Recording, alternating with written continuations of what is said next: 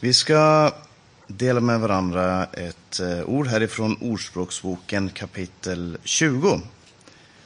Och medan ni hittar det så vill jag gärna ta möjligheten här och, och tacka för, de, för eh, möjligheten att dela Guds ord här och för gemenskapen som vi har här med, med varandra.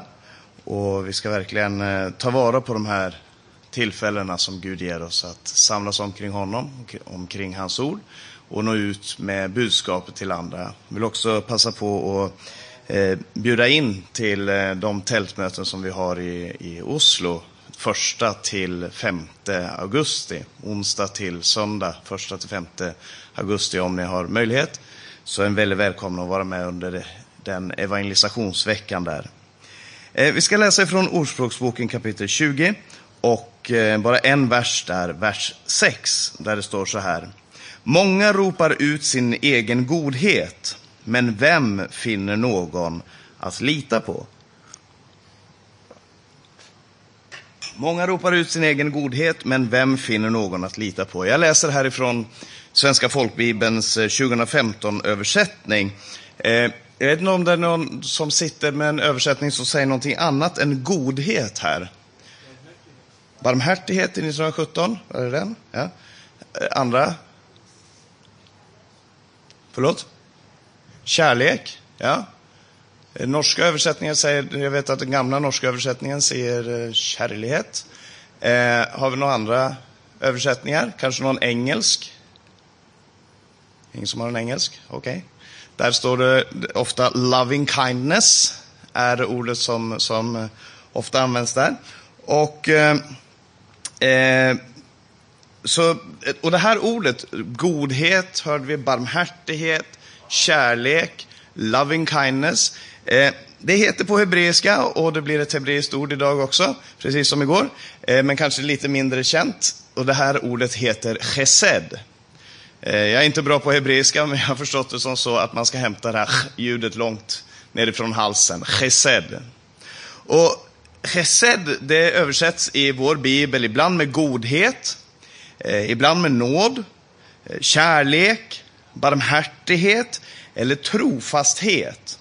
Och det är ett ord som är väldigt svårt att översätta. I engelska översättningar som sagt så står det ofta loving kindness. Och det var ett ord som blev eh, uppfunnet för just att översätta det här ordet. Det fanns inget ord på engelska innan som hette loving kindness. Det fanns loving och så fanns det kindness och så satte man ihop det för att förklara chesed.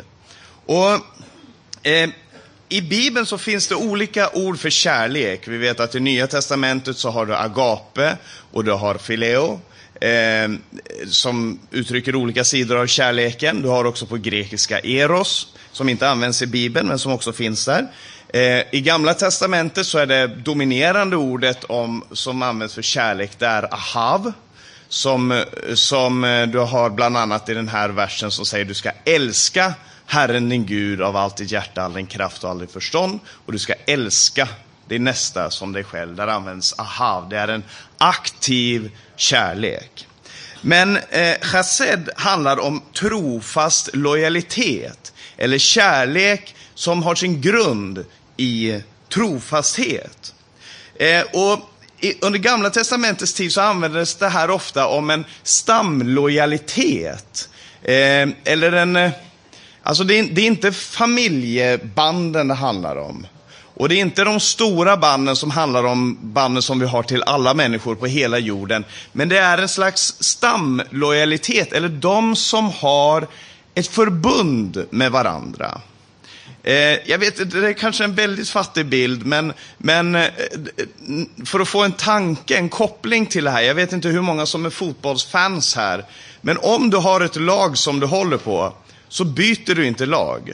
Det är något av det värsta man kan göra. Om man har ett fotbollslag som, som, man, eh, eh som man är uppvuxen med, så byter man inte lag. Eller ett ishockeylag eller vad det än handlar om. Det laget du en gång höll på, det håller du på och annars så kallas du för en svikare. Så enkelt är det. Eh, och, och, man byter, man är inte medgångssupporter eller eh, man, man håller på dem som man... Det är en, en man har på ett sätt för sig själv och på ett väldigt primitivt, väldigt primitiv nivå ingått ett slags förbund det här laget, det är det jag håller på. Så får det hända vad som helst. Om du går ner i andra division eller inte, spelar ingen roll. Jag håller på det här laget. Och i Bibeln så, så talas det om, om eh, förbund som människor ingår med varandra. Och då kallar de på varandras chesed.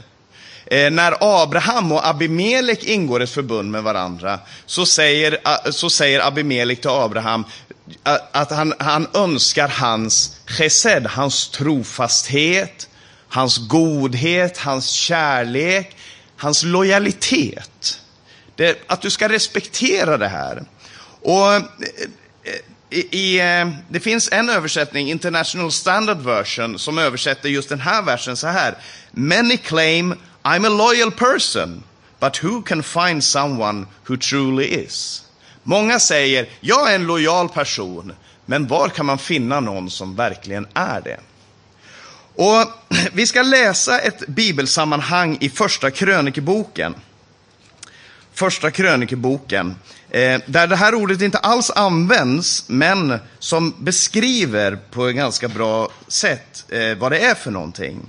Och det är i eh, eh, Första krönikeboken 11, och eh, det här kunde vi också ha läst i Andra Samuelsboken 23. Men, men eh, vi läser här i första krönikebokens elfte kapitel. Och från den femtonde versen, det handlar om eh, Davids hjältar. Davids tappra män, Davids trofasta tjänare och soldater. Och han hade framförallt tre stycken som eh, som var hans absolut närmaste. Och vi läser här ifrån den femtonde versen. Första krönikeboken 11, vers 15. Tre av de 30 främsta männen gick ner över klippan till David vid Adullams grotta, medan en avdelning filister hade slagit läger i Refaimdalen.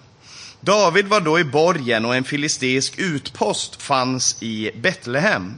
David sa längtansfullt, Tänk om någon kunde ge mig lite vatten från brunnen vid Betlehems stadsport. Då bröt de tre sig igenom filisternas linjer, hämtade vatten ur brunnen vid Betlehems stadsport och tog med sig det och bar det till David.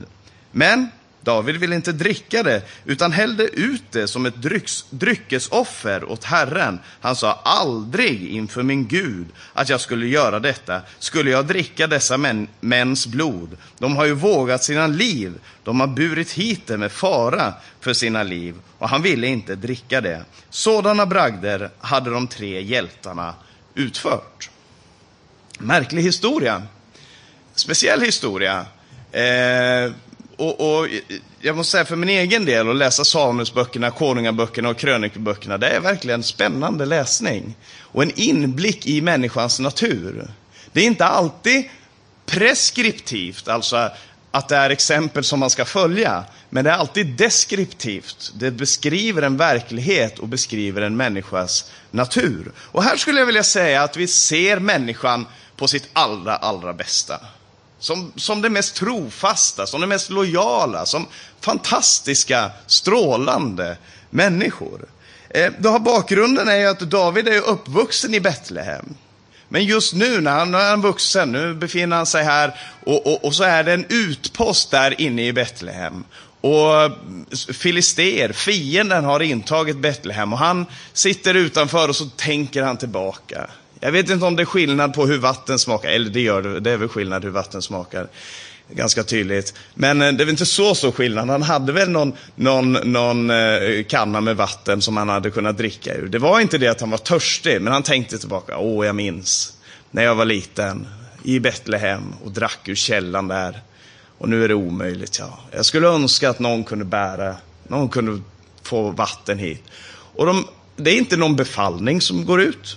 Det är, inte någon, det är inte någon förväntan hos David att det är någon som ska göra det här. Han säger inte nu sänder jag mina tre hjältar. Det är så bara, då gick de tre hjältarna. De tre, de, de gick. Och så tar de svärdet i handen. För dem var det ingen fråga om någonting annat. Kungen vill ha vattnet i Betlehems källa. Vi ska ordna honom vatten ur Betlehems källa. Inte tal om något annat. De, de pratar med varandra. Hörde du vad han sa? Hörde du vad David sa? Ja, nu går vi. Okej, okay, vi går.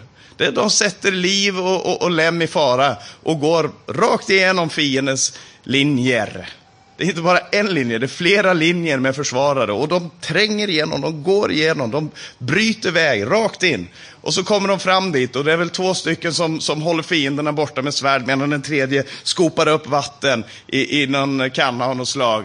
Och så bryter de sig väg tillbaka igen. Det är inte för att vinna kriget, det är inte för, för att eh, David egentligen behöver vatten, det är för att vara lojala.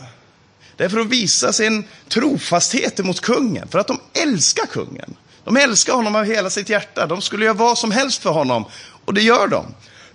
Och det här är nedtecknat för att beskriva vad de var beredda att göra för David i sin lojalitet. Och så kommer de ut då med det här vattnet. Och så tar David emot det och säger, här, oh, här, vatten från källan. Va, va, vad pratar du Ja, du nämnde ju det. Har ni gått in och hämtat vatten ifrån källan? Och så blir David så rörd av den här handlingen och de här männen som kommer tillbaka blodiga ifrån, ifrån striden och svettiga med, med, med vatten i handen. Och så säger han, det här kan inte jag dricka. Det här är inte till mig. Den här sortens lojalitet, den förtjänar inte jag. Den här kärleken som ni visar mot mig, den här chesed som ni har mot mig, det, det kan inte jag rikta emot mig. Det handlar om Gud. Det handlar om Guds kärlek. Det handlar om det förbundet som du och jag har ingått tillsammans med Gud. Och därför så tar jag det här vattnet och så häller jag ut det som ett dryckesoffer till Gud. Och han tar inte deras lojalitet för given och därför så offrar han det han har och han offrar det till Gud. Och jag tänkte på det här därför att vi som troende, vi som människor som lever i en lokal församling, som kämpar tillsammans, arbetar tillsammans, vi är bundna tillsammans med chesed. Vi är bundna tillsammans av kärlek, av lojalitet. Vi har en tillhörighet som man sällan finner någon annanstans. Vi, har en, vi hör till någonstans. Vi hör till den lokala församlingen. Och här är vi bundna tillsammans i chesed. Det finns en sång som eh, den här, eh, den här storfamiljsgemenskapen i England, Jesus Fellowship heter de nu, Jesus Army hette de innan. De har skrivit en sång som säger så här. As brethren we're in covenant, one body through the cross. Don't break this bond of brotherhood. Som syskon är vi i förbund, en, en kropp genom korset. Bryt inte detta brödraskap. Och det är ett uttryck för den här, du och jag, vi är sammanbundna av någonting. Och det här bandet som binder oss samman, det ska uttrycka sig genom trofasta gärningar, genom lojalitet och genom kärlek till varandra. Och så börjar jag tänka på det i storfamiljsgemenskapen som vi har. Och du känner säkert igen det om du bor här på platsen eller om du har gemenskap med kristna på andra ställen. När jag kommer hem ifrån jobbet vid fyra tiden varje dag, då står det mat på bordet. Det är någon som har lagat mat. När jag går in i huset så är det någon som har städat, det är någon som har, det är någon som har tvättat golven, det är någon som, som klipper gräset, det är någon som tar hand om det där, det är någon som tar hand om det. Och det är lojalitetsgärningar, det är kärleksgärningar, det är gärningar gjorda i Gud. Jag har inte barn, men jag vet att det är många som passar barn. Som tar hand om andras barn för att föräldrarna ska kunna göra andra saker. Det är många som hjälper till med hemundervisningen, som lägger ner tid, kraft, möda, allt, allt, allt, pengar, vad det handlar om, för att vi älskar varandra. Och vi önskar att tjäna varandra. Och vi önskar att, att uttrycka det som, det som vi har inom. Och jag, jag, skulle lägga ner mitt liv för dig broder. Jag skulle ge mitt liv till dig syster. Inget tvivel om saken där, det är den här chesed, och ge ut av sig själv. Och jag skulle kunna stanna där. Vi skulle kunna stanna där, det hade blivit en kort predikan, men vi skulle kunna stanna där och säga, var som David. Tänk som David, fantastiskt, han är en förebild. David, tänk vilken fantastisk människa, så stort. Vi skulle kunna stanna där och säga, var som de tre hjältarna. Lev det här i församlingen, lev ut det här. Och det hade varit kanske en bra predikan, men den hade missat det viktigaste i evangeliet nämligen Jesu Kristi kors. Vi hade missat, och så hade vi blivit moralister. Och så hade vi börjat tala till varandra, var bättre, var duktigare, skärp dig, lyft dig själv i kragen, se till att mm, vara en ordentlig kristen. Och det hade passat i många församlingar. Jag tror att, eller jag hoppas att i den här församlingen så hade jag fått en liten reprimand om jag hade stannat där. Inte bara för att det blev en kort predikan. För att vi ska fortsätta att läsa här. Det, texten fortsätter och det finns en tanke här med texten. Den hade egentligen varit ännu tydligare om vi hade läst den i Andra Samuelsboken, men vi ska läsa här. Eh, så nu ska vi läsa någonting som jag tror att man kanske hoppar över lite. Det var någon, de berätt, var det, eh, berättades här på mötet igår kväll att, att de har en bibelläsningsplan, flera av, eh, av syskonen här. Och eh, att de läser Bibeln tillsammans, eh, eller var för sig, men följer en viss bibelläsningsplan. Och det här är nog en text som man kanske fuskar lite med. Vi ska läsa namnen på de tappra hjältarna. Och vi börjar i vers 26. Vi får se, jag ska inte läsa allihop, men eh, ta en kopp kaffe, eller vad du gör, luta dig tillbaka och lyssna på de här namnen. Det är de värda. De var, de var Davids tappra hjältar. De tappra hjältarna var Asael, Joabs bror, Elhanan, Dodos son från Betlehem, Haroriten Shammot, Peloniten Heles, Tekoaiten Ira, Ishkeks son, Anatotiten Abieser, Hushatiten Sibekai, Ahoaiten Ilai, Nef Netofatiten Marai, Netofatiten Heled, Banas son, Ittai, Ribais son, från Gibea i Benjamins barns stam. Pirgatoniten Benaja, Hurai, från Gars dalar. Arabatiten Abiel, Aharumiten Asmavet, Shalobin, Shalboniten Eljaba, Gisoniten Bene Hashem, Harariten Jonathan, eh, Shages son, Harariten Ahiam, Sakars son, Elifal, Urs son, Mekaratiten Hefer, Peloniten Ahia, Hesro från Karmel, Narai, Espais son, Joel, bror till Natan, Mibhar, Hagris son, Ammoniten Selek, Beroriten Nahrai, väpnare åt Joab, Serujas son, Jeteriten Ira, Jeteriten Gareb, hetiten Uria. Sabad, Alais son. Vänta nu lite. Hetiten Uria. Om du hade läst det här i Andra Samuelsboken så hade han varit sista namnet och jag tror att det är med avsikt. Jag tror att du ska sätta kaffet i halsen här. För att här räknas det upp många trofasta, lojala, kärleksfulla, goda, ordentliga människor. Och så är Uria med. Vad jobbigt.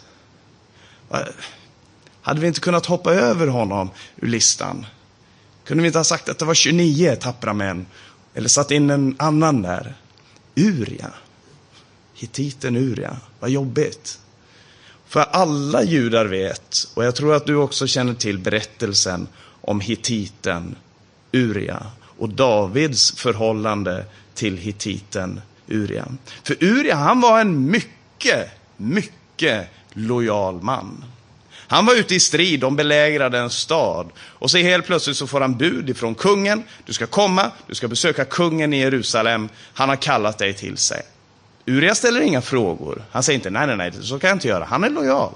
Han åker till Jerusalem och där möter han kungen och kungen ställer till en fest för honom och skänker i honom vin och han, ja, det var märkligt. Men vad är det som, vad, vad händer nu egentligen? Och Uria, han eh, blir full och så säger David, gå hem till din fru nu. Men Uria, han är lojal. Han vet att han har soldater, vänner, Eh, män under sig och över sig som är ute på slagfältet och han säger, jag, jag kan inte gå in till min fru. Va, va, hur skulle jag kunna göra något sånt? Så han lägger, och, lägger sig och sover ute på, utanför dörren. Och nästa dag så blir han skickad tillbaka till striden. Han har med sig ett brev. Det ger han till härföraren där. Och så får han order, du har fått order ifrån kungen. Imorgon ska vi storma staden och du ska stå längst fram. Och hur jag vet, det här, det här betyder döden. Det här, det är slut med mig. Det är 90-100 procents chans. Jag, jag, kommer dö. Jag är första, första attacklinjen. Men om kungen vill ha det så, då gör jag det så. Han är lojal. Han är trofast. Han gör det han ska.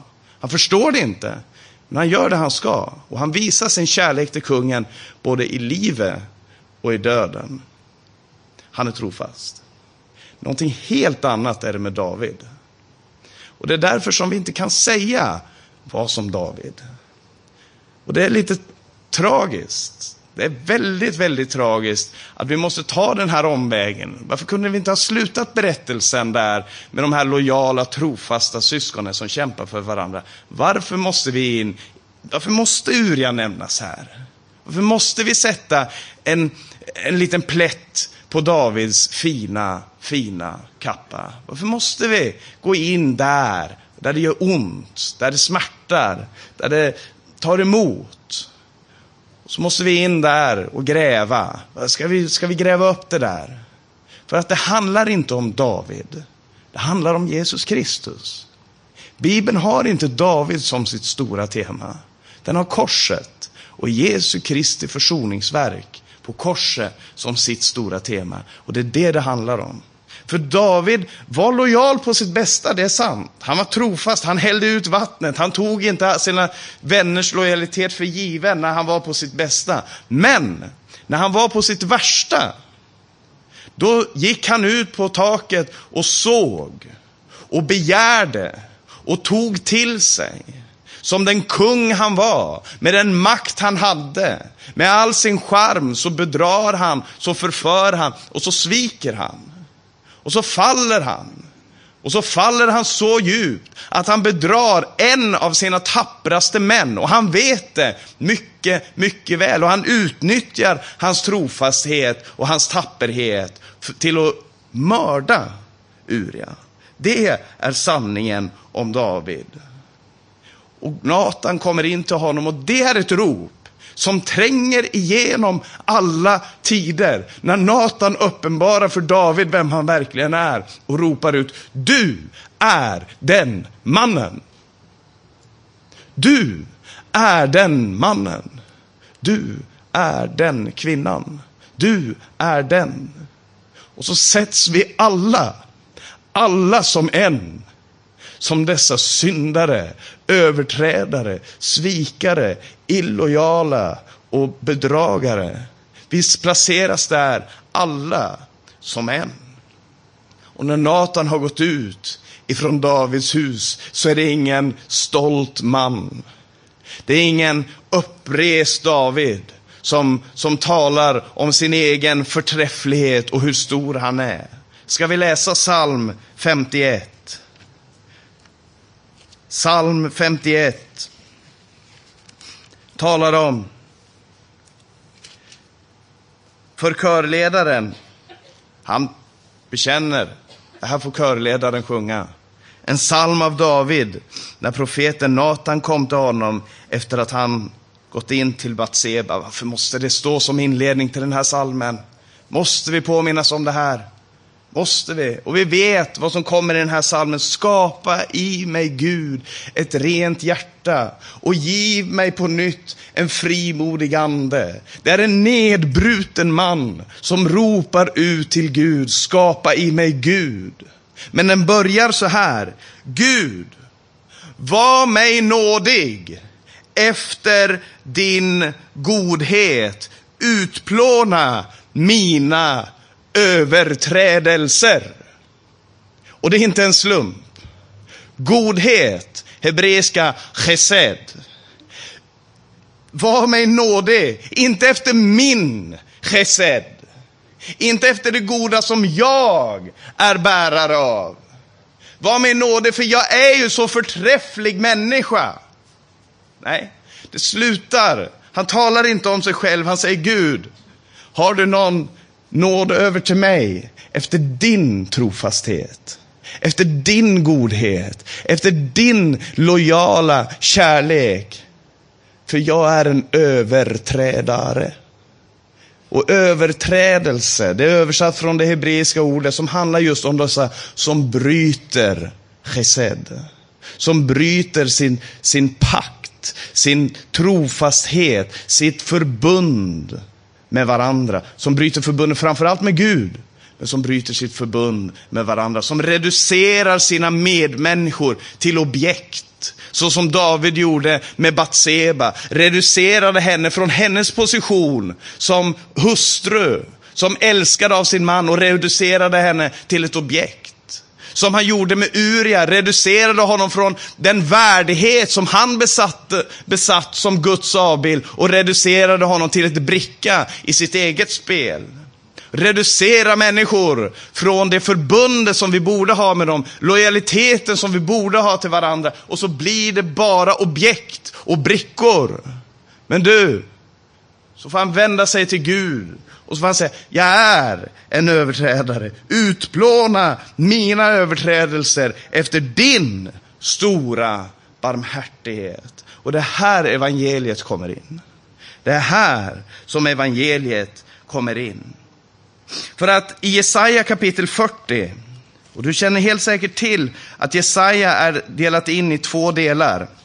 Eh, det är kapitel 1 till 39 och sen är det 40 till 66. Jag vet inte om det är av en slump, men det är 39 kapitel och 27 kapitel, precis som vår indelning i alla fall av gamla och nya testamentet. Och kapitel 40 till 66 talar på ett speciellt sätt om försoningen. Där du har Jesaja 53, eller 52, 13 till 53, som det absoluta centrum i berättelsen om han som bar våra synder. Men det börjar så här. Det börjar så här. Trösta mitt folk, säger han. Och så säger han i vers 6. Hör, någon säger predika. Och en annan svarar, vad ska jag predika? Allt kött är gräs och all dess härlighet som blomman på marken. Och det här jag skulle önska att jag kunde hebreiska så att jag kunde läsa Bibeln på originalspråket. Jag skulle önska att jag kunde både grekiska och hebreiska och det kan jag verkligen inte. Men man får god hjälp av sådana här interlinears eller eh, där du kan läsa parallellt. För att det här ordet som är översatt med dess härlighet, det är fortfarande chesed. Alltså det han säger är, allt kött, alla människor, allt det här, jag, är gräs.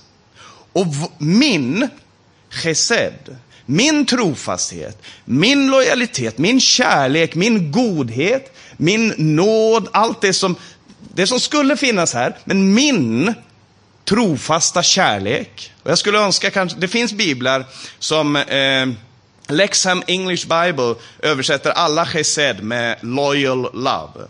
Eh, och, eh, kanske det hade varit en idé att göra en sån översättning. Jag vet inte om vi behöver flera. Men han säger, min lojala kärlek, vår lojala kärlek, det är som blomman. Den ser jättefin ut. Och så kommer solen. Och så kommer torkan. Och så är det slut med den. Solen stiger upp och uppenbarar, det var inte så mycket, det var inte så djupt rotat. Det är sanningen. Och om du inte upplever att det här är sanningen för dig, jag vet inte om jag ska lyckönska dig eller beklaga det. För jag tror att det här är verkligheten om varje människa. Jag känner när jag läser om David på sitt bästa, så, åh, tänk om han kunde vara så där. Och så kommer han ner på sitt sämsta och så tänker jag, jag är nog sån. Jag är nog närmare där än där uppe. Och jag vet inte om du känner detsamma. Berättelsen här, den ska sticka ut som nageltrång och irritera och skapa frågor. För att eh, i Jesaja 52, som vi läste om Guds tjänare, vi läste det igår, i Jesaja 52 om Guds tjänare, han som, han som eh, ska bli upphöjd. Han som stiger ner, han som blir föraktad och övergiven av människorna, han som är en smärtornas man, förtrogen med svaghet och med lidande. Han som bär de många synd, han som, som är som ett lamm som förs bort för att slaktas, som ett lamm som är tyst inför den som klipper det. Sådan är denne Guds tjänare. Och så slutar det här kapitlet med så här i vers 12, 53 och vers 12. Därför eftersom han har lidit, eftersom han har dött, eftersom han har uppstått, så ska jag ge honom de många som del och de starka ska han få som byte, eftersom han utgav sitt liv i döden och räknades bland förbrytare.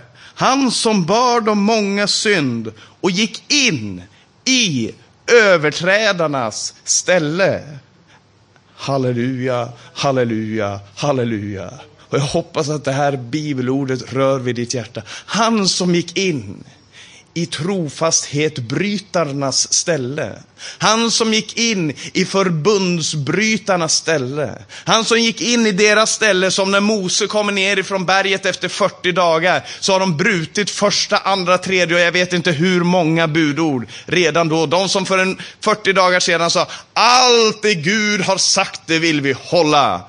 40 dagar senare, de dansar runt en guldkalv. Och meningen är att du ska skratta åt dem och sen ska skratten stanna i halsen. För att det är verkligheten om dig och mig. Går det 40 dagar, det går vi knappast så mycket innan vi glömmer, innan vi förbrukar, innan vi uppenbaras, innan det uppenbaras hur mycket människa vi faktiskt är. Men saken är den att han bar de många synd. Och varför gör han det? Därför att hans trofasthet, den är inte som vår trofasthet. Du kommer in i kapitel 54 här, Jesaja 54 och vers 10. Och det måste ju nästan sägas på skånska, som vår, eftersom vår broder Kjell Roos har läst det här bibelordet så många gånger och berättat om när det här bibelordet kom till honom, när han låg på anstalten och, var, och, och, och djävulen höll, gjorde sånt motstånd. Kommer aldrig glömma alla gånger som han har citerat. Och då kom en röst ifrån himlen som sa Jesaja 54.10. Och så fick jag gå upp och läsa för första gången Jesaja 54.10. Där det står Även om bergen viker bort och höjderna vackla ska min chesed inte vika från dig eller mitt fridsförbund vackla, säger Herren, din förbarmare. Halleluja, halleluja. Prisat vare Gud. Prisat vare Gud för hans trofasthet, för hans kärlek, för hans storhet, hans nåd, hans barmhärtighet, hans förvandlande kraft som du och jag får uppleva, som du och jag får vara objektet för. Hans trofasthet, den är som om en bergen vika bort och höjderna vackla, så skall min chesed inte vika ifrån dig, säger Herren, din förlossare. Han är den som är förlossare, han är återlösaren som kommer in i situationen när vi är slavar. Så kommer han in i situationen och förlöser oss ifrån den positionen som vi är i. Och när Jesus går upp för Via Dolorosa som det kallas för idag, smärtornas väg, då är han, då är han bedragen av Judas.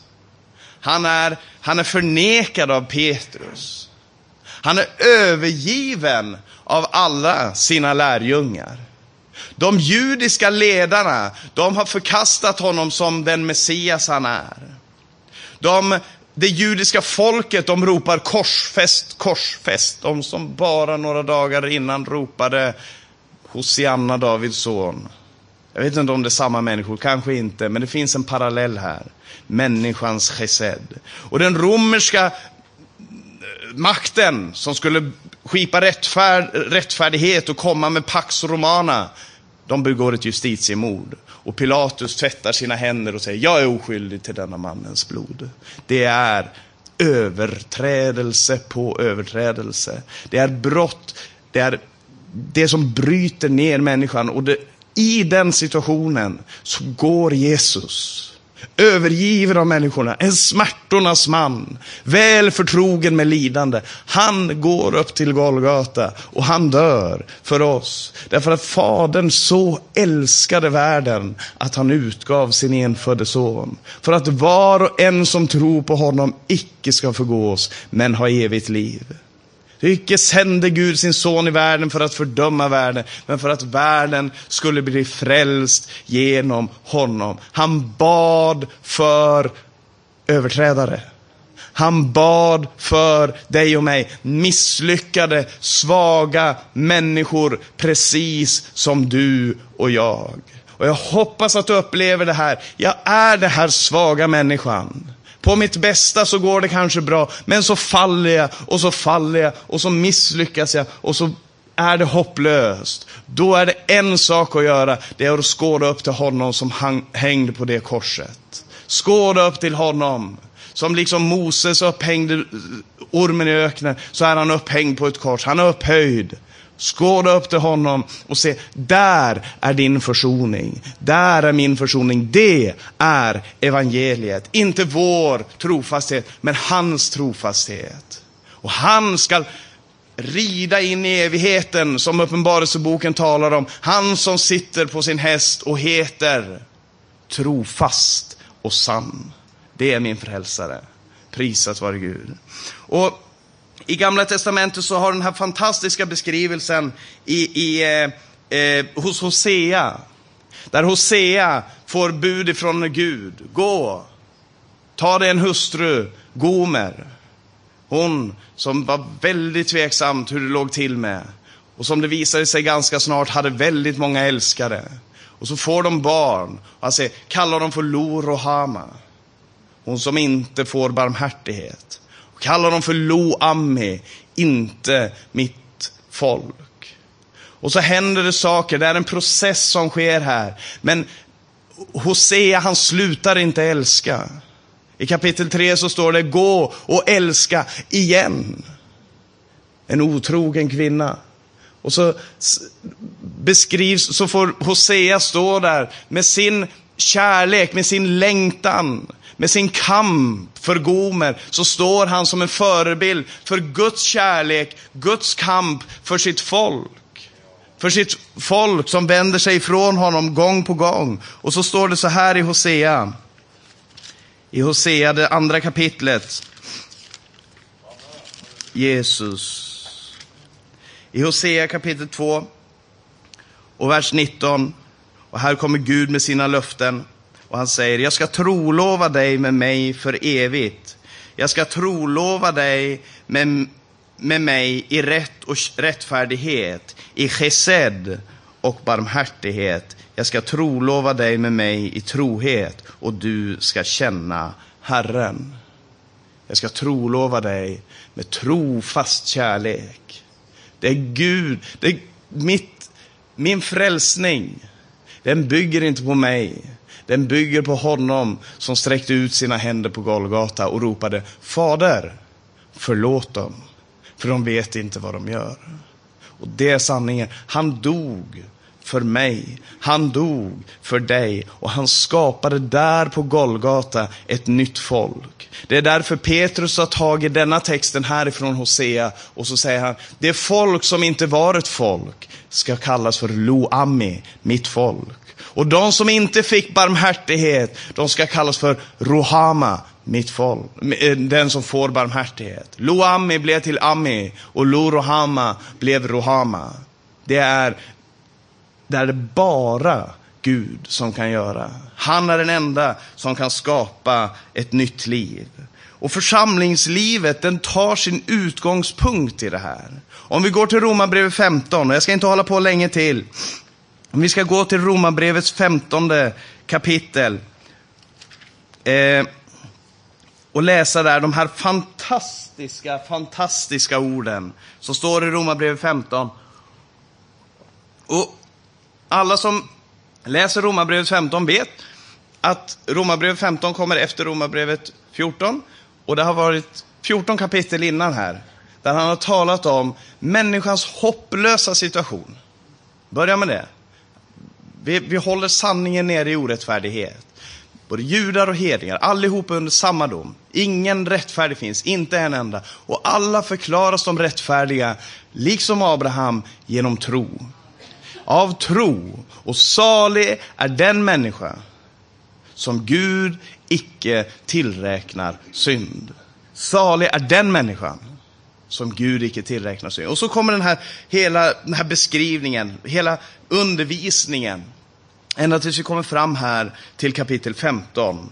Och här börjar han, från kapitel 12 egentligen, så börjar han tala om det här praktiska livet i församlingen, i Kristus, med syskonen, i relation till varandra. Hur ska vi kunna uttrycka Guds kärlek här på jorden? För det är inte bara att Gud placerar oss i en kuvös, frälser oss och placerar oss i en kuvös där vi, där vi ska bevaras tills han kommer tillbaka. Han vill att vi ska leva. Han vill att vi ska relatera till varandra.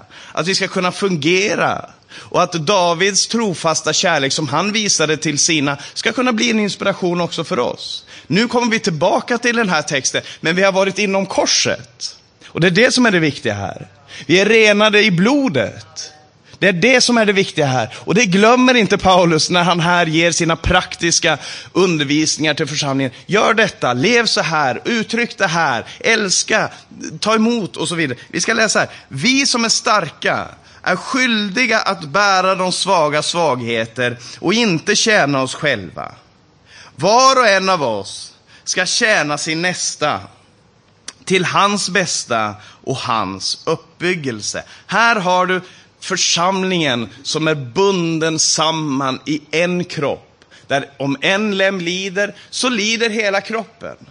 Där vi visar den här trofasta kärleken till varandra. Där vi uttrycker den här lojaliteten och det, faktum att vi älskar Gud som får oss att älska varandra. Att hans kärlek är utöst i våra hjärtan. Den är han har hällt ut sin kärlek genom den heliga Ande i våra hjärtan och det strömmar över. Och vi önskar att ge någonting tillbaka till honom. Och när jag säger Gud, vad vill du att jag ska ge tillbaka till dig? Så säger han, se här! Mitt folk, älska dem, tjäna dem, hjälp dem, stöd dem med det du kan, med det du har, med det du, allt det här som, som du innan la på dig själv, lägg det på andra, tjäna varandra, tänk på din nästa och inte på dig själv.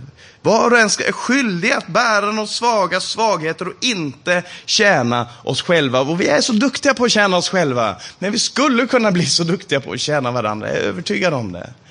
Men inte i vår egen kraft. För han säger, Kristus tjänade ju inte sig själv. Och så blir Kristus vårt exempel. Filipperbrevet 2. Låt detta sinne vara er som också var i Kristus Jesus. Han som var till i Guds skepnad, men inte räknade jämlikheten med Gud som ett byte, utan utgav sig själv. I det han antog en tjänares skickelse. Och du, det här är hemligheten som han avlade sig sin majestät, sin härlighet, sin ära, sin gudomliga skickelse, så ska vi avlägga oss vår värdighet, vår höghet, vår position för att tjäna varandra.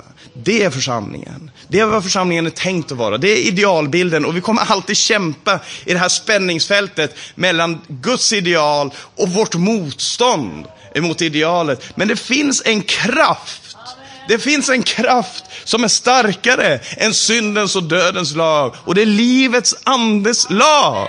Är det sant? Ja. Livets andes lag har i Kristus Jesus gjort mig fri ifrån syndens och dödens lag. Och därför kan jag leva detta nya livet tillsammans med honom och tillsammans med syskonen. För Kristus tjänade ju inte sig själv. Och han bor här inne.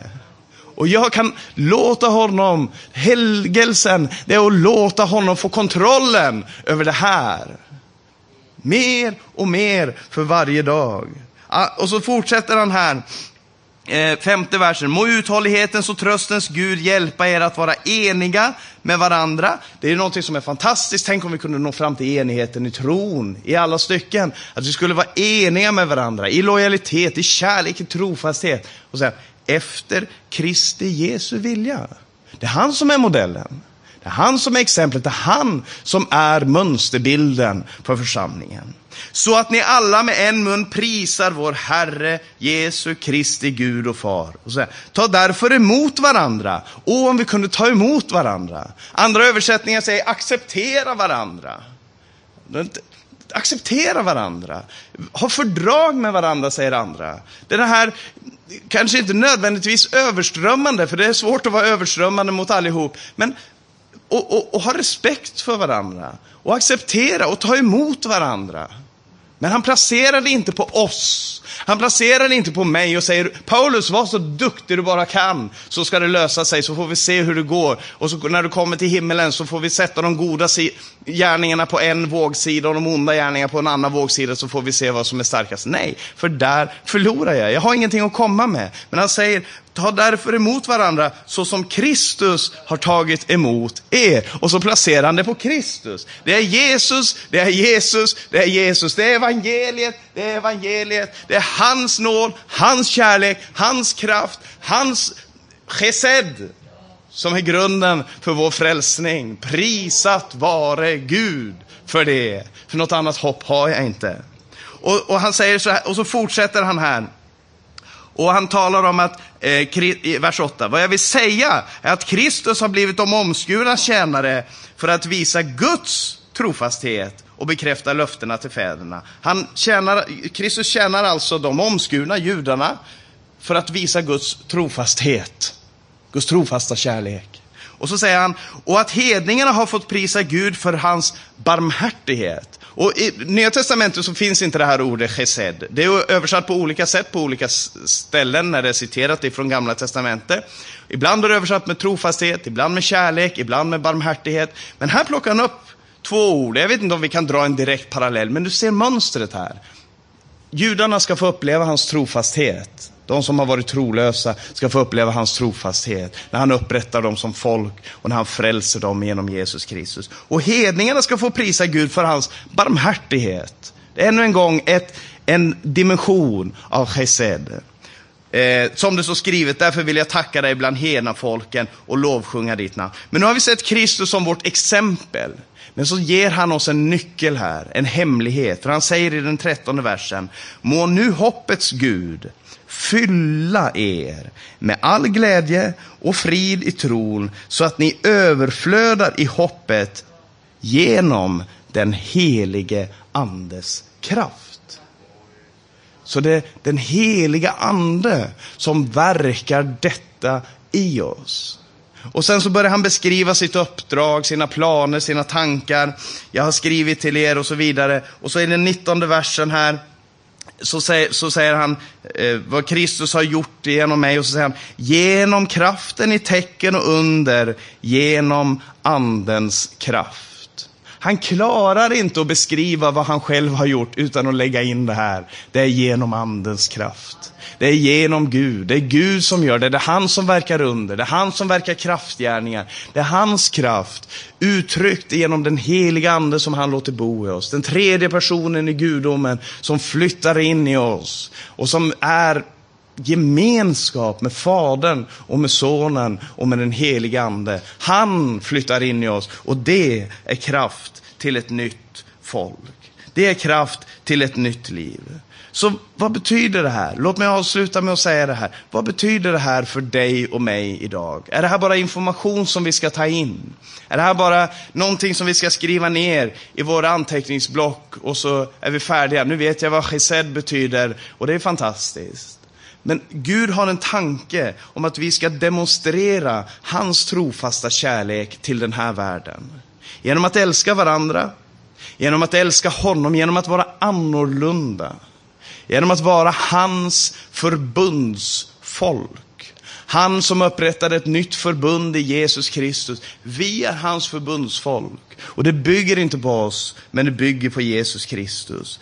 Han har kallat oss att tjäna, tjäna varandra. Han har kallat oss att älska varandra. Han har kallat oss sedan till att förlåta varandra. Och så älska igen och tjäna igen.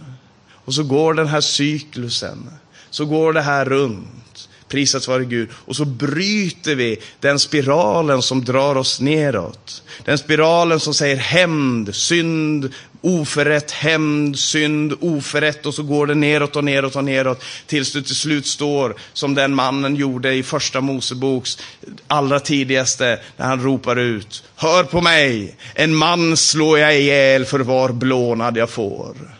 En ung man för vart sår jag får. Det var hämndens ljud. Men Jesus Kristus han ropar Fader, förlåt dem. Och det är församlingens rop i denna tiden. Herre Jesus, förlåt mig. Fader, när vi ber Fader vår, jag nämnde det här igår. När vi ber Fader vår så är det inte ge mig idag mitt dagliga bröd. Det är ge oss, Gud. Vi har ett behov. Och vi har ett behov av bröd. Det har vi. Förlåt inte mig mina synder, förlåt oss våra synder. Så som också vi förlåter dem oss skyldiga är. Och Gud, jag vill be dig om det här. Led oss icke in i frestelse, utan fräls oss ifrån ondo. Ty riket är ditt och makten och härligheten i evighet. Tänk så fantastiskt. Och få börja tänka som en kropp. Vara medveten om att vi är en kropp i Jesus Kristus. Och vi kan inte förvänta oss någonting annat av varandra än att vi är spruckna lerkärl. För det är vi. Men vi kan förvänta oss att genom Jesus Kristus, hans fullbordade verk, så kan vi bli mer och mer det Gud hade tänkt om oss. Det Gud har planlagt för dig och mig. Att vi skulle bli hela och fulla människor som lever för honom, som lever för varandra. Och Det kan vi få uppleva i Jesus Kristus. Jag ska avsluta med att läsa ett bibelord i Jeremia kapitel 9. Jag vill uppmana dig att besluta dig att leva i det här förbundet tillsammans med Jesus Kristus, med Fader, Son, Helig Ande och med alla dina syskon. Och att vi blir en församling som är fylld av tjänare, som tjänar varandra med chesed, i trofasthet och i kärlek till varandra. Så ska jag avsluta med det här ordet, Jeremia kapitel 9, och du får se om du kan eh, identifiera vart chesed kommer in här. Den som vill berömma sig, han ska berömma sig av att han har insikt och känner mig. Att jag är Herren som verkar med nåd. Där är din vink. Jag som verkar med trofast kärlek. Rätt och rättfärdighet på jorden, för i det har jag min glädje, säger Herren. Så all vår berömmelse, den är utesluten och så får vi vända oss emot korset, prisa honom, berömma honom, skryta om honom och säga, han där som hängde på korset, han visade oss vad chesed är, vad Guds trofasta kärlek till människan är. Det får vi uppleva i Jesus Kristus. Amen. Jag tackar och prisar dig himmelske Fader. Jag tackar dig för mina syskon här i församlingen. Jag tackar dig Herre för kampen som de kämpar här och för kampen som dina troende människor kämpar var de än är. I sin ensamhet tillsammans med syskon, var vi är och vad vi kämpar med Herre. Jag ber dig Fader i Jesu Kristi namn att du vill fylla oss med tacksamhet över din kärlek, över din trofasthet, din nåd, din barmhärtighet Herre. Jag ber dig Herre att du vill förvandla oss genom den heliga Andes kraft, Herre. Genom det försoningsverk som du fullbordade på Golgata kors en gång för 2000 år sedan, Herre. Jag lovar och tackar dig för uppståndelselivet som vi får leva tillsammans med dig och tillsammans med dem som älskar dig, som tjänar dig i denna tiden. Jag ber dig för ditt folk över hela vår jord, människor som har gått ut och som tjänar dig. Jag tackar dig, Herre, för dem som har gjort sitt beslut om att leva för dig som en stridsman tills dagen är slut, Herre. Du är vår sanne David, som vi kan rikta vår kärlek till och som vi kan få denna sanna trofasta kärlek ifrån, Herre. Du är vår frälsare och vår Herre och vi ber dig att du vill gripa tag i oss svaga människor. Herre, men du är vår klippa, säger skriften, där frälsningsströmmen väller fram ännu idag för svaga människor, precis som du och jag. Jesu namn. Amen.